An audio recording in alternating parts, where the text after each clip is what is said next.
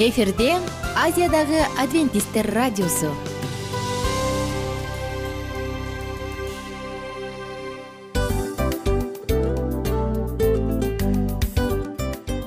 Достор салют.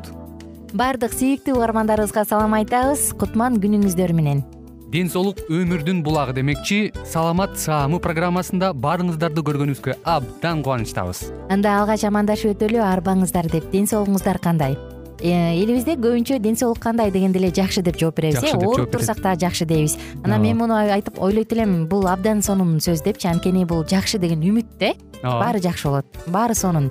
Деп үмүттөнүп атып эле өзүбүздү өзүбүз дарылап коебуз.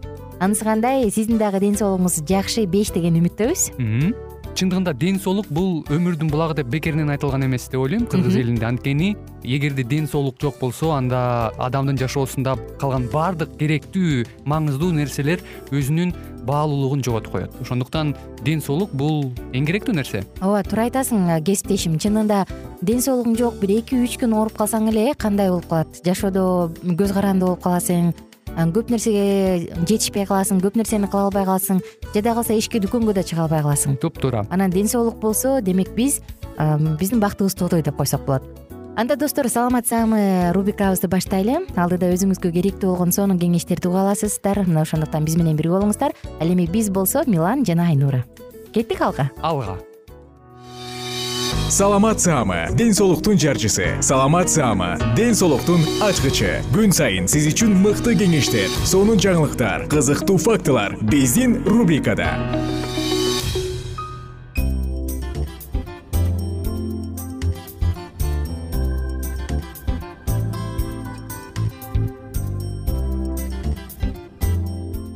саламатсыздарбы биздин сүйүктүү досторубуз? Баардыгыңыздар менен амандашып кайрадан жагымдуу саатыбызда баштадык. Бул албетте саламат саамы радио баракчасы. Адамдын жашоосундагы эң эле алгачкы жана биринчи байлыгы адамга эң керектүүсүн бере турган бул ден соолук. Эгерде бут кийимиң тар болсо ааламдын кенендигинден эмне пайда дегендей эгерде байлыгыңдын баары бар болсо бирок сенде ден соолук жок болсо анда мындай байлыктан эмне кереги бар? Сен канчалаган доллардын миллиондогон доллардын ээси болбо бирок ден соолугуң жок болсо аны сага эч ким бере албай турса анда анын бир тыйынча пайдасы барбы. Мисалы стив джобсту айтабыз э көптөгөн атактуу адамдарды айтабыз аларды байлыгы сактап кала алган эмес мына ошондуктан адамдын эң эле алгачкы биринчи байлыгы бул ден соолук дейбиз достор. Ошондуктан баардык угармандарыбызга кааларыбыз ден соолук жана ар бир угарманыбызга кааларыбыз бекем бекем эң сонун беш деген маанай качан адам позитивдүү маанайда жүрүп алганда гана ал өзүнүн ден соолугунун жакшы абалын узарта алат эгер адамдын ден соолугу жакшы болуп бирок ал дайыма негативдүү болсо анда анда анын ден соолугу начарлайт. Айтып коюшат эмеспи э нервдүү нерви жука адамдардын ашказаны көбүрөөк ооруйт депчи. Албетте бул тарс эткендин баары тамаша бирок чындыкка жараша. Анткени биз нервденген сайын ачууланган сайын ашказан кызарып өзүнүн кандайдыр бир функциясын буза баштайт экен ошондуктан достор биздин кааларыбыз албетте ден соолук. Алдыңкы мүнөттөрдө биз мыкты адистер дарыгерлер менен болгон маектерибиз бар. Сиздерди ушул маектерге чакырабыз. Жана бул маектер сизге дагы сөзсүз түрдө бир жакшы пайдасын алып келет жакшы пайдасын тийгизет деген тилекте биз саатыбызды улантабыз. Аты жөнүм айнура миназарова. Биз менен бирге болуңуздар.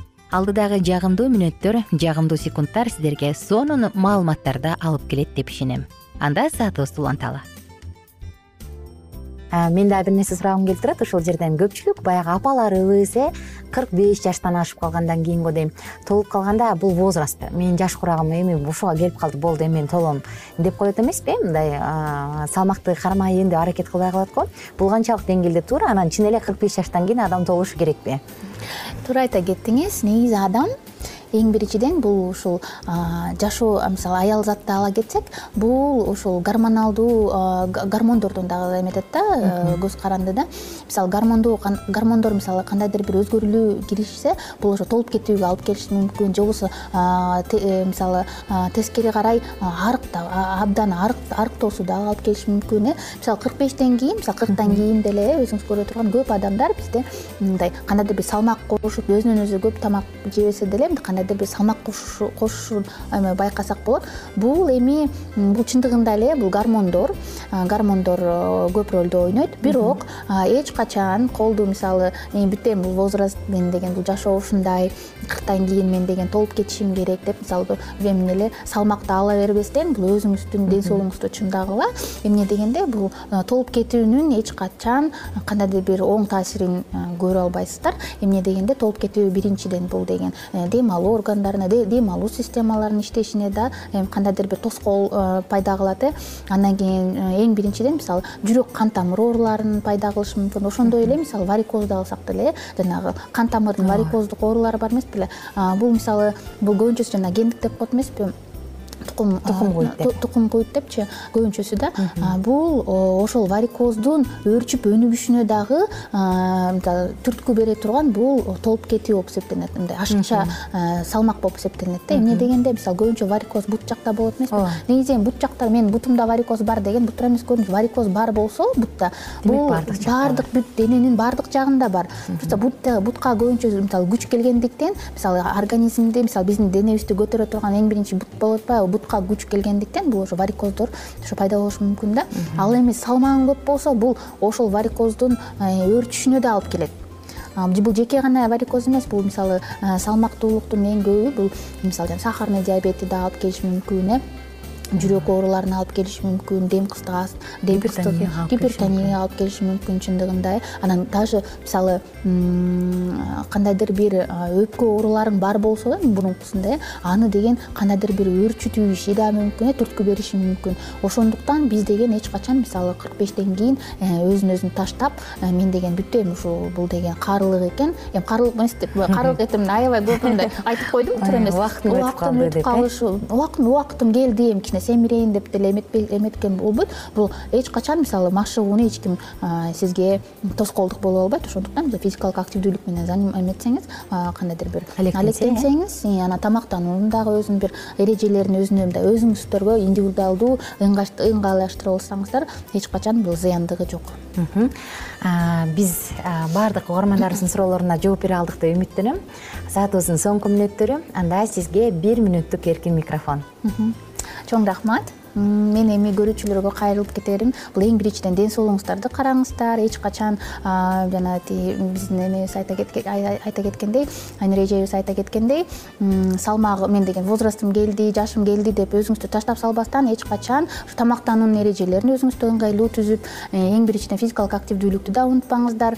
Өзүңүздөргө ыңгайлаштырып э, кандайдыр бир эреже тартиптерин түзүп алсаңыздар болот. Анан э, ар бирөөңүздөргө ден соолук каалайм ден соолук болуп э, оорубай жана жакшы маанайда жүрө бериңиздер.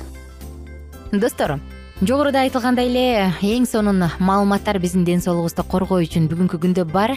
Канчалык маалымдар болсоң ошончолук куралданган болот эмесиңби мына ошондуктан бүгүнкү айтылган маалыматтар дагы жашооңузга чоң таасирин берип жардамын берип сизди ар кандай кырсыктан ден соолукту сакташ үчүн жаман нерселерден сактасын оорулардан дарттардан сактасын адамдын биринчи байлыгы ден соолук. Адамга экинчи байлык ак жоолук керек. Бирок ак жоолук ден соолуксуз кызык мына ошондуктан сиздерге кааларыбыз албетте бекем ден соолук өзүңүздүн колуңуздагы байлыкты сактаңыз барктаңыз жана албетте бул үчүн болгон күрөшүңүздү жумшаңыз.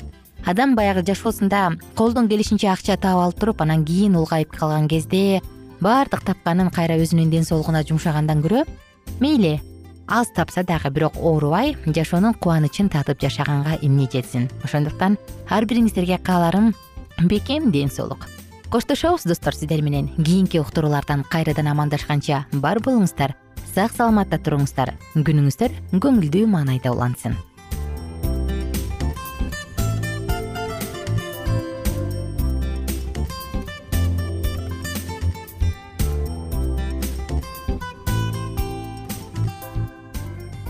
кененирээк маалыматтар үчүн үч w чекит саламат чекит клуб сайтына келип таанышыңыздар. Жана андан тышкары социалдык тармактарда youtube facebook жана instagram баракчаларына катталыңыз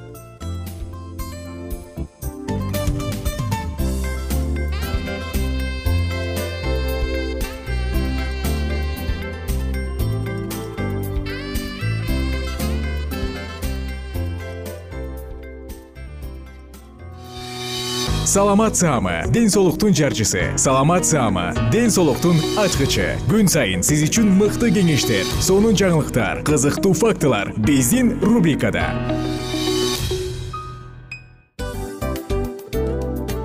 Салам достор. Кайрадан биздин сүйүктүү рубрикабызга кош келиңиздер деп айтмакчыбыз. Баардык замандаштарыбызга арбаңыздар деп саламыбызды айтабыз. Улуу ушундай бир э, урматтаган учурашуу менен анан дил маек радио баракчабызга чакырабыз. Негизи дил маек биздин рубрикабызда эмне жөнүндө кеп кылабыз? Бул дил маектин мааниси эмнеде? Рубрикабыз менен кичине тааныштырып кетсеңиз. Сөзсүз түрдө тааныштыра кетейин кесиптешим суранычы боюнча бул учурда бул радио баракчада биз ар тарап кесип ээлеринен сонун кеңештерди алабыз сүйлөшөбүз сырдашабыз. Аталарыбыздын эжелерибиздин апаларыбыздын кеңештерин угабыз айтор. Жан дүйнөгө адамдын э, сапатына адамдын деги эле адам болуп жашашына керектүү баардык кеңештер алдыда. Негизи э, дил маек дегенде баягы эки адамдын ортосундагы сырдашуу кенен сүйлөшүү. Негизи эле биз адамдар бири бирибиз менен бир жерге жай жерге отуруп алып өзүнчө тынч э, жашоо жөнүндө өмүрүбүздө эмне болуп атканын бөлүшкөнү жакшы көрөбүз э адамдар. Ооба туура айтасың анан мындай учурга кээде убакыт да жетпей келет э? Же болбосо сырыңды кайгыңды муңуңду кубанычыңды айткың келет адамга ишенбешиң мүмкүн. Ооба. А бул радио баракча угармандарыбыздын чыныгы досу. Анткени бизден алган кеңеш сиздин жашооңузга чоң жардам берет. Ал эми сиздин бизге айта турган сөзүңүз ортодо гана сыр бойдон калат. Ошондуктан биздин дил маек рубрикабызга дагы бир жолу кош келиңиздер. Жана биз даярдаган маалыматтарга даяр болуңуздар. Айнура жана милан сиздер менен бирге алдыга кеттик ар түрдүү ардактуу кесип ээлеринен. Алтын сөздөр жүрөк ачышкан сыр чачышкан сонун маек. Дил маек рубрикасында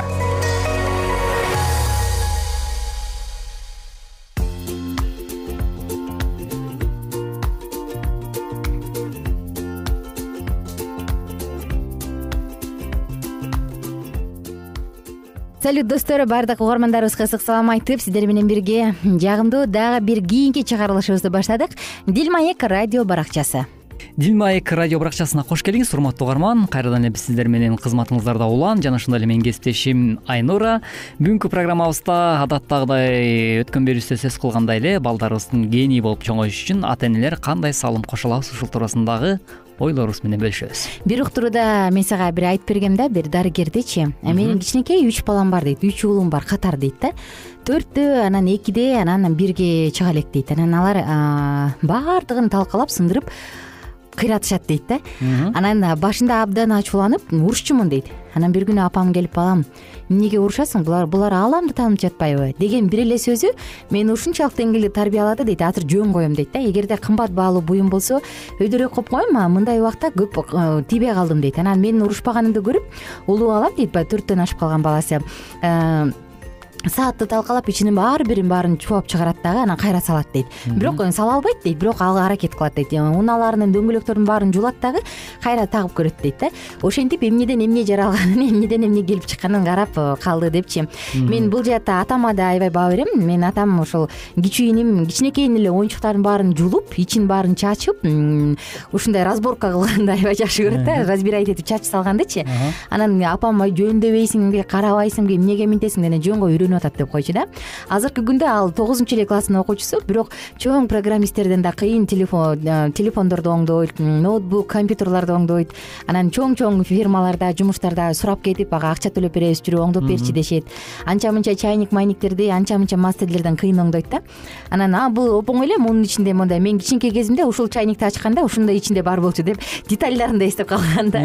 Анан бузулуп калган чайниктерди ыргытам дегенде мага бериңизчи деп туруп оңдоп коет оңдоп койчу да анан э, мен ойлойм эгерде балага туура баягы билгичтик менен мамиле кылса көп нерсени чоңойтса болот деп. Ооба. Көп нерсени алдын алса болот. Анан сен бир уктурууда айтпадың беле кесиптешесиңдеби баланын күчтүү жагын билүү депчи баланы эмнеге жөндөмдүү экенин билүү деп. Анан албетте ата эне баланын жакшы жагын күчтүү жагын байкап туруп өзгөчө баса белгилесе жакшы. Анан бизде мектепте бала отличник беш деген баага окушу керек жакшы окуучу болуш үчүн баардык жагынан беш алышы керек деген түшүнүк бар го. Ооба. Чет өлкөлөрдө андай эмес экен да чет өлкөлөрдө ар биринен сабак кирет бирок баланын өзгөчө кызыгуусу болгон өзгөчө жага турган предметин кошумча алат дагы ошол жаатта конкреттүү түрдө өсөт. Ошол багытта гана кетет ошол багытта конкреттүү өсөт. Эгерде ал баягы гуманитардык сабактарга жөндөмдүү болсо ошол жаатта кетет. Кенедейинен эле. Эгерде ал экономист экономика жагына күчтүү жагы бар болсо ошол жаатта кетет экен. Кичинекейинен элечи а биз керек болсо он биринчи класста сен кайсы окууга тапшырасың ким болгуң келет десе билбейм дейбиз э? Ооба. Билбейм ойлонуп атам. Атам айтып атат дарыгер бол деп апам болсо айтып атат ветеринар бол деп. А мен болсо мугалим болгум келет билбейм дейбиз э тилекке каршы. Ооба бүгүнкү күнгө чейин эле ушул проблема мисалы биздин журтчулукта уланып эле келе жатпайбы. Андыктан э, чындап эле баягы айрым абдан эле бар десек болот мисалы ошол чет жак мененчи э, анан жогоруда ошо сен абдан жакшы атаң жөнүндө мисал келдиң өзүңдүн э, бөбөгүң жөнүндө мисал келтирбедиңби бүгүнкү күндө ал ошо кичинекей кезинен атам жөн дечи мисалы жанагындай оюнчуктарды чачып аткан кезде депчи.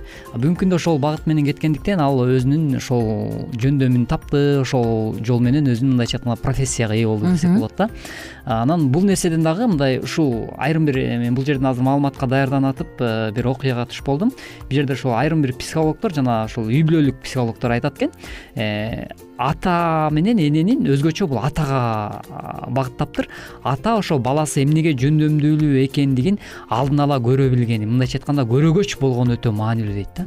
Демек бул жерде мен азыр ошол сиздин атаңызга өтө баа берип жатам. Бул көрөгөчтүк менен э, баягы баласына ошол көрөгөчтүк менен э, мамиле кылган депчи. Менин жашоомдо да өйдө ылдый кыйын учурлар абдан көп болгон. Анан атам ишенимин жоготпой атам мындай колдоп турган адамдардын жалгыз бирөөсү болду да. Ал бул күндөр өтөт. Сен муну кыла аласың мен сага ишенем. Сенин моундай моундай жөндөмдүүлүктөрүң бар деп. Мен жок менин колуман эч нерсе келбей калды. Мен бутуман тура албайм деген учурда дагы жок кызым деп мындай баа берип анан жөндөмдүүлүктөрүңдү баса белгилеп айтчу да. Азыр айтып калам мен эмне ийгиликке жетсем мунун баары сиздики депчи. Анткени эгерде ушундай мотиватор жок боло турган болсо мен булардын бирин да кыла албайт болчумун деп. Анысы кандай? Ата эненин ата эненин өзгөчө балдар үчүн көрсөткөн колдоосу ишеними ой бул абдан тоодон дагы асказодон да бийик да ооба туптуура ошондуктан э, буга чейинки программада дагы кесиптешим. Э, ар бир улут өзгөчө балдарга кандай ыкмада интеллектуалдык жактан ошол эле гений болуп чоңоюшуна өсүшүнө э, түздөн түз бир ыкмаларды колдонуп келгени туурасында айтып өтпөдүң белең анан. Чындап эле ошо англиялыктар э мисалы үчүн баланын мындай потенциалын көтөрүш үчүн кичинекейинен өзүнө ишенимдүү кылып ишенимдүү тарбиялаганга үйрөтүшөт экен ошондуктан мисалы кыргыздар деле биз деле ошол нерсени колдонсок болот эмнеге болбосун? сөзсүз түрдө. Азыр кайсы бир үй бүлөлөрдү карап кубанасың э? Балдарын кичинекей кезинен эркин оюн айтканга эркин сүйлөгөнгө ооба. эркин жүргөнгө тарбиялап коюшкан.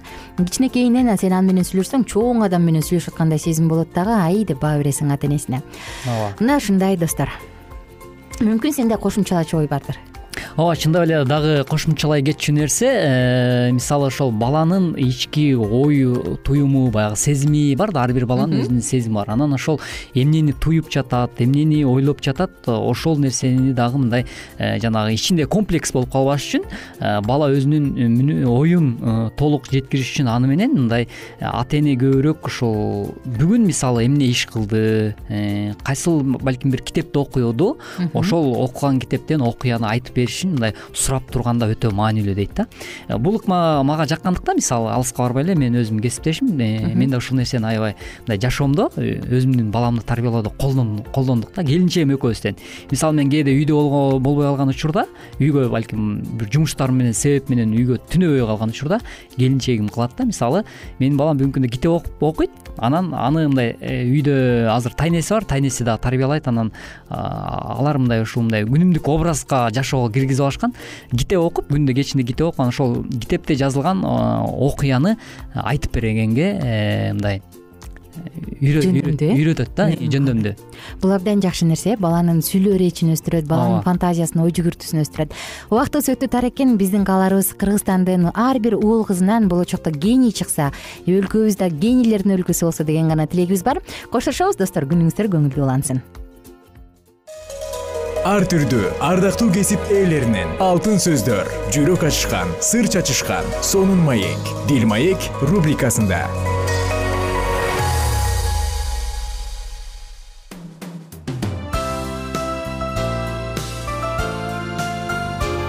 Эфирде азиядагы адвентисттер радиосу.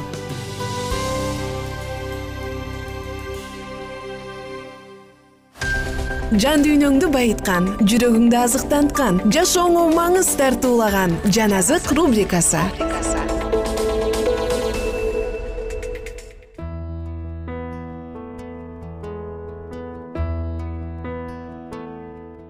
Салют достор. Баардык угармандарыбызга ысык салам айтып жалпыңыздар менен амандашып кайрадан жагымдуу жан азык рубрикабызды баштадык.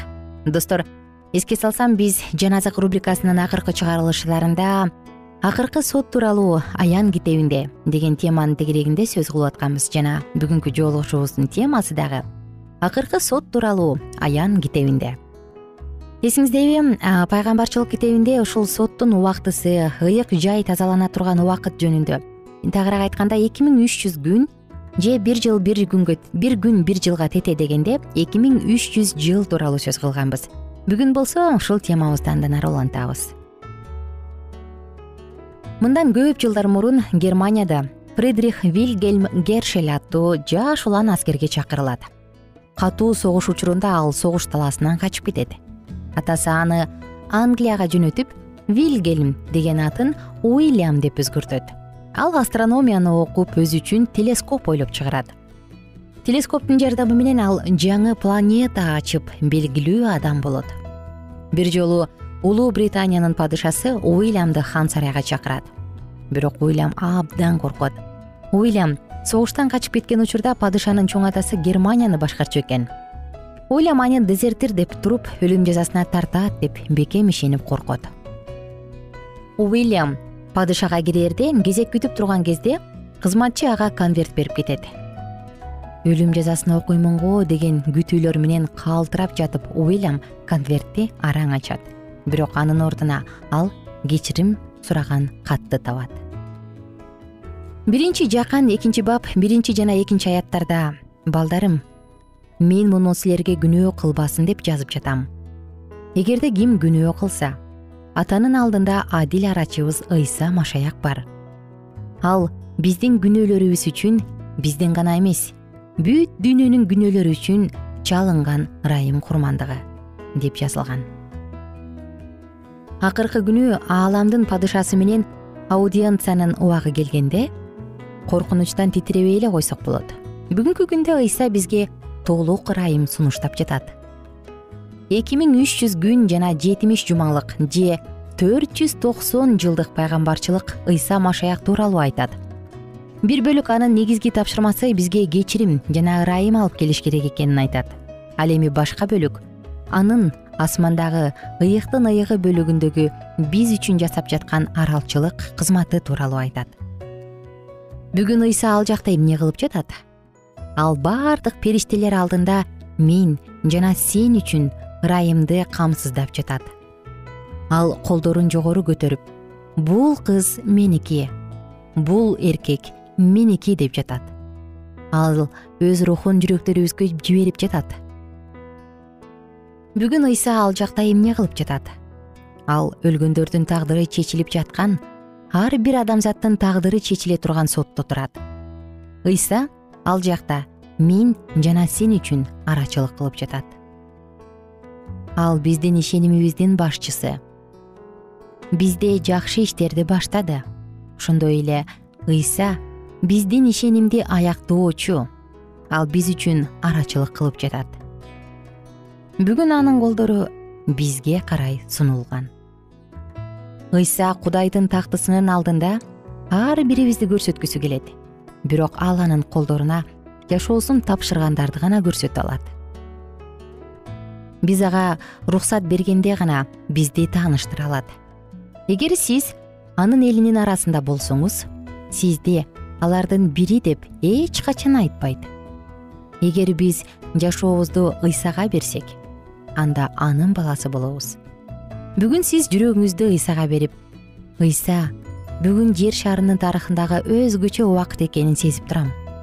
Асмандагы атанын алдында менин атымды да тааныштыра көр теңирим кудайым менин ысымымдын жанына кечирилген деген сөздү жаза көр. Ыйса жүрөгүмдү тазалай көрчү деп айткыңыз келген жокпу? Ал кудайдын тактысынын алдында арачылык кылат анда келгиле башыбызды ийип ыйса кудайдын тактысынын алдында тура албасымды билем. Менин бүт жакшы иштерим соттун алдында кымындай да туруштук бере албайт. Мен күнөөкөр экенимди билем жана өлүм жазасына татыктуумун. Теңирим кудайдын тактысынын алдына келгенде менин ордума тура көр менин арачым боло көр деп айталы омин достор караңыздарчы чындыгында сот деген сөз ар бирибизди коркутат э?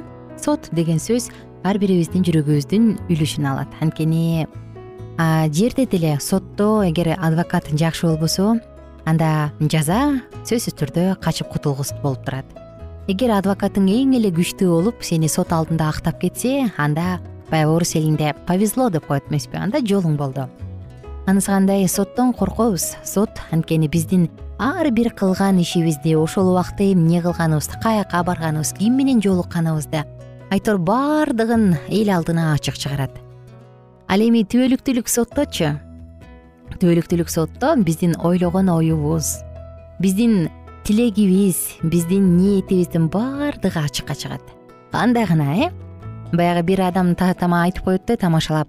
Эгер сен э, азыр коркпосоң анда келечекте өзүңдүн жашооң тууралуу тасма көрөсүң деп. Биздин жашыруун кылган иштерибиздин баардыгы ачыкка чыгат. Анткени кудайдын алдында жашыруун калган эч нерсе жок.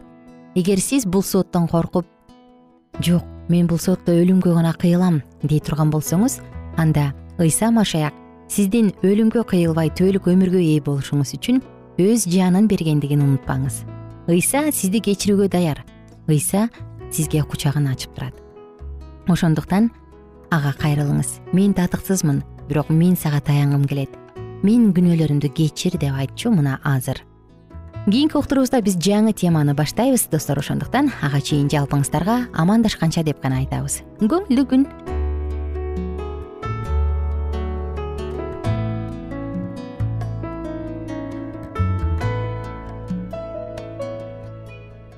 эгер сиздерде суроолор болсо же көбүрөөк маалымат билем десеңиз анда биздин whatsapp номерибизге жазыңыз.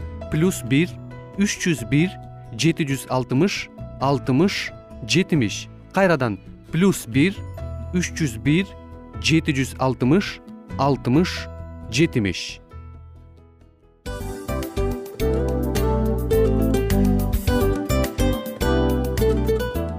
ушул менен достор программабыздын уктуруубуздун эң кайгылуу мөөнөтүнө келип жеттик.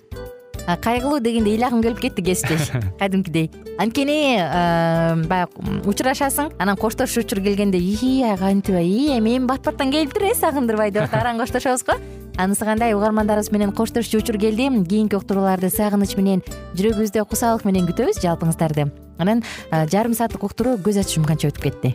Сөзсүз бирок бизде жакшы кабар бар. Кийинки уктурууларыбызда сөзсүз дагы кезигишебиз. Анткени биз көптөгөн сюрприздерди кызыктуу маалыматтарды жана керектүү керектүү нерселердин көпүнчөсүн даярдадык андай угармандарыбыздын баардыгына ийгиликтүү күн каалайбыз эгерде бүгүнкү күнүңүз өзгөчө э, өтүшүн кааласаңыз анда позитивдүү ой жүгүртүп жылмайып жакындарыңызга жакшы маанай тартуулап жүрө бериңиз. Анткени сөзсүз түрдө мунун арты кайтат э? Сөзсүз. Баягы ден соолугуң оңолот ал бул деп көп нерсени санап келебиз. Эң негизгиси бул сиздин жашооңузду жаркын кыла түшөт экен. Жараткан кудай ар бирөөңүздөргө батасын берсин жашооңуз ийгиликтүү болсун сак саламатта калыңыздар деп мен милан жана кесиптешим айнура. Баардыгыңыздар менен кийинки уктурууда үн алышканча баарыңыздарга ийгилик каалайбыз